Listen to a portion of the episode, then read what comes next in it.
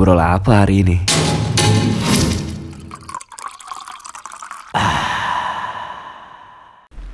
Oke, jadi balik lagi di sini di Maku Kayu Podcast pastinya. Untuk hari ini, uh, ini lebih ke hal-hal perbaikan diri sih kayaknya pembahasannya. Karena aku habis baca buku yang berkaitan sama hal-hal tersebut gitu. Jadi kayak manajemen gitu. Jadi gimana caranya kita bisa mengatur diri kita supaya lebih baik lagi ke depannya.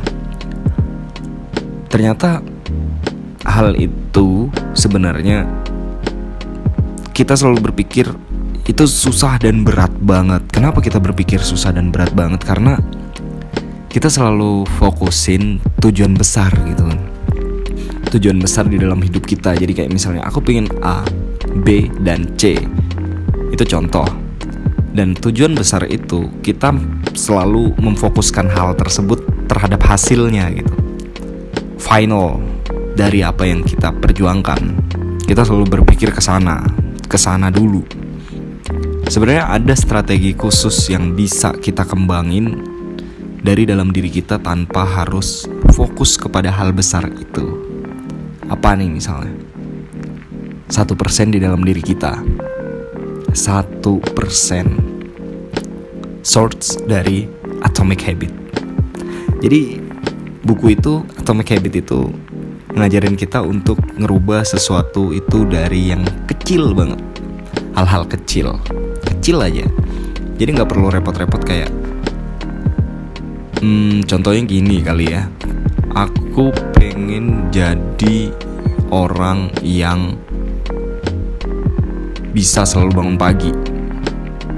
Terus nyampe malam nih ternyata kita set alarm. Besok aku harus bangun pagi. Oh nggak gitu ternyata konsep pikirnya cuy. Kalau kita misalnya memikirkan itu harus harus dan harus Indian atau akhirnya kita bakalan kayak ngerasa itu beban di dalam hidup kita ketika kita tidak berhasil untuk mendapatkan itu gitu. Tapi diubah polanya menjadi seperti ini. Besok aku punya kesempatan bangun pagi karena aku nggak ada kegiatan apa pun atau karena aku ada kegiatan ini, kegiatan itu, seperti itu. Aku berkesempatan untuk bangun pagi besok. Kayak gitu. Jadi kita tidak harus memaksakan diri kita sendiri karena hal yang dipaksakan itu nggak enak, cuy. Serius. Hal yang dipaksakan itu nggak enak banget. Aku nerapin sesuatu itu dari hal yang simple juga gitu kan untuk diriku sendiri. Iya, aku milih manajemen waktunya. Kenapa aku milih manajemen waktu? Karena menurutku aku orang yang nggak tertata. Aku orang yang selalu cuek sama dengan plan, rencana maksudnya ya dengan timeline dan lain sebagainya sesuatu yang direncanakan menurutku itu nggak banget pada waktu itu dulu.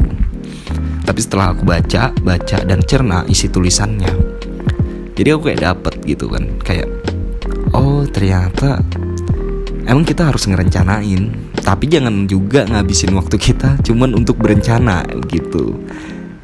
Jangan jangan.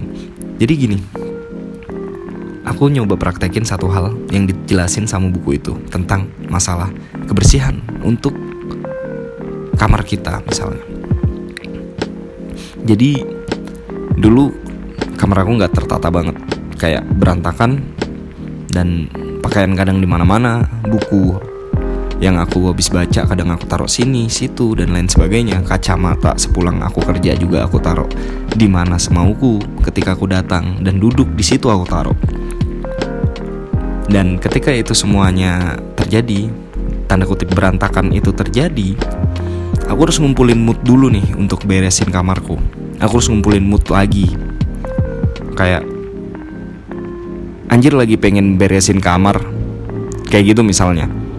Jadi kayak ya udah kumpulin mood dulu baru kamar itu bakalan beres dan bakalan bersih. Wait,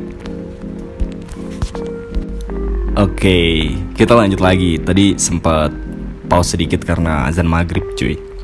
Nah, mood itu kan harus ditumpuk dulu tuh untuk ngeberesin kamar ya kan.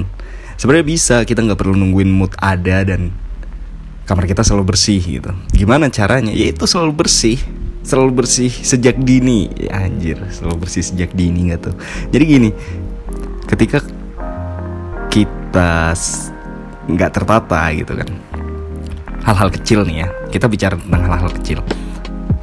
Jadi oke okay, kita cek nih ya. Uh, pesan dari teman kita yang satu ini. Kita cek dulu. Cek cek cek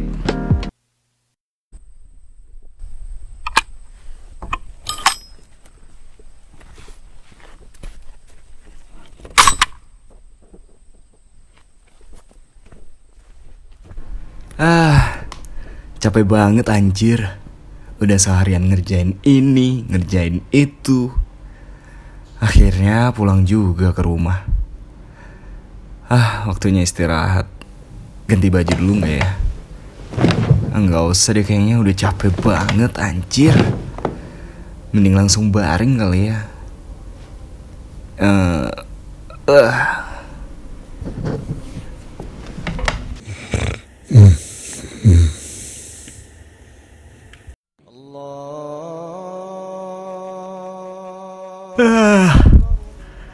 Anjir udah maghrib aja anjir Gak kerasa udah malam Belum mandi lagi Ya udah mandi dulu Keranjang pakaian di mana ya? Ah, udah taruh sini aja lah. Ntar juga aku beresin. Yang penting kan mandi dulu biar seger. Ntar abis mandi udah seger baru beresin kali ya.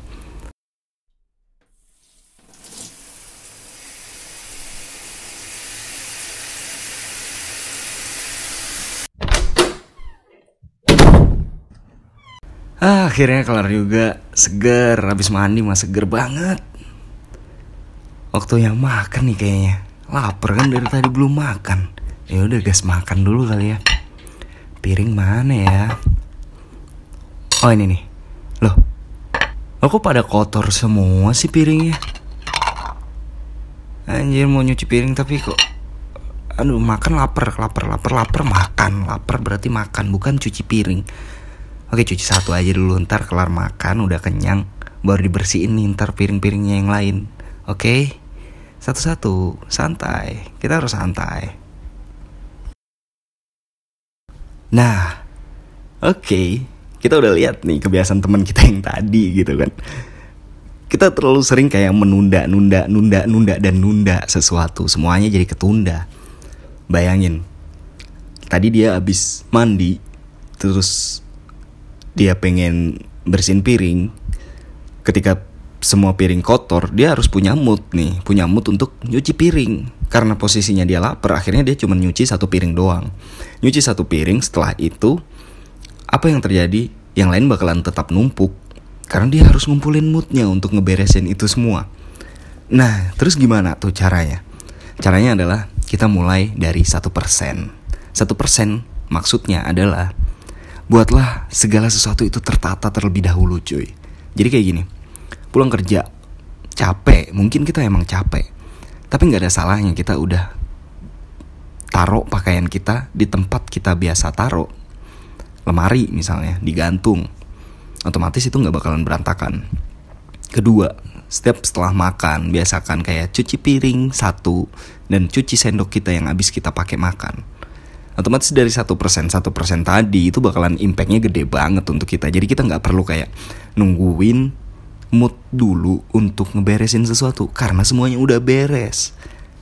That's the point. Jadi kuncinya di situ cuy.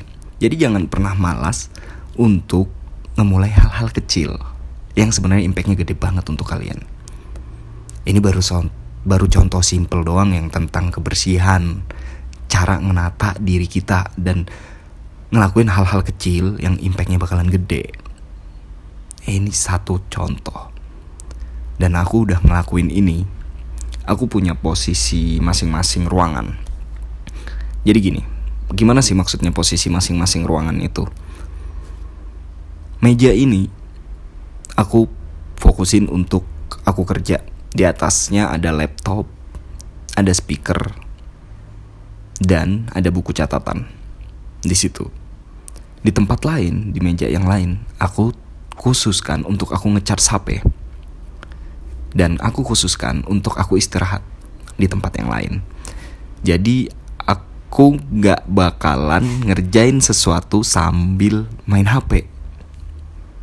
Kayak gitu. Jadi aku udah kelompokin setiap tempat di dalam kamarku supaya aku lebih tertata dan lebih fokus terhadap sesuatu yang aku kerjain. Harapannya adalah ketika kita punya deadline, punya sesuatu yang kita kejar, itu nggak bakalan terbengkalai. Kenapa nggak bakalan terbengkalai? Karena gini, selama tiga jam ke depan aku bakalan fokus ngerjain ini gitu. Misalnya, akhirnya kita ngerjain nih, posisi kita lagi ngerjain. Tapi terkadang ketika sesuatu yang apa ya ibaratnya sesuatu yang kita lagi kerjain terganggu sama sesuatu yang lain. Contohnya handphone. Handphone kita ada deket sama kita gitu. Ada notif pengen buka. Buka sebentar akhirnya ngecek Instagram. Ngecek feed orang lain. Ngestakin mantan. Atau enggak nge-DM siapa kayak yang iseng karena lihat story. Atau mungkin buka buka aplikasi online belanja online dan akhirnya apa? Yang awalnya kita niatkan tiga jam ke depan kita bakalan fokus ngerjain itu terpotong dong waktunya.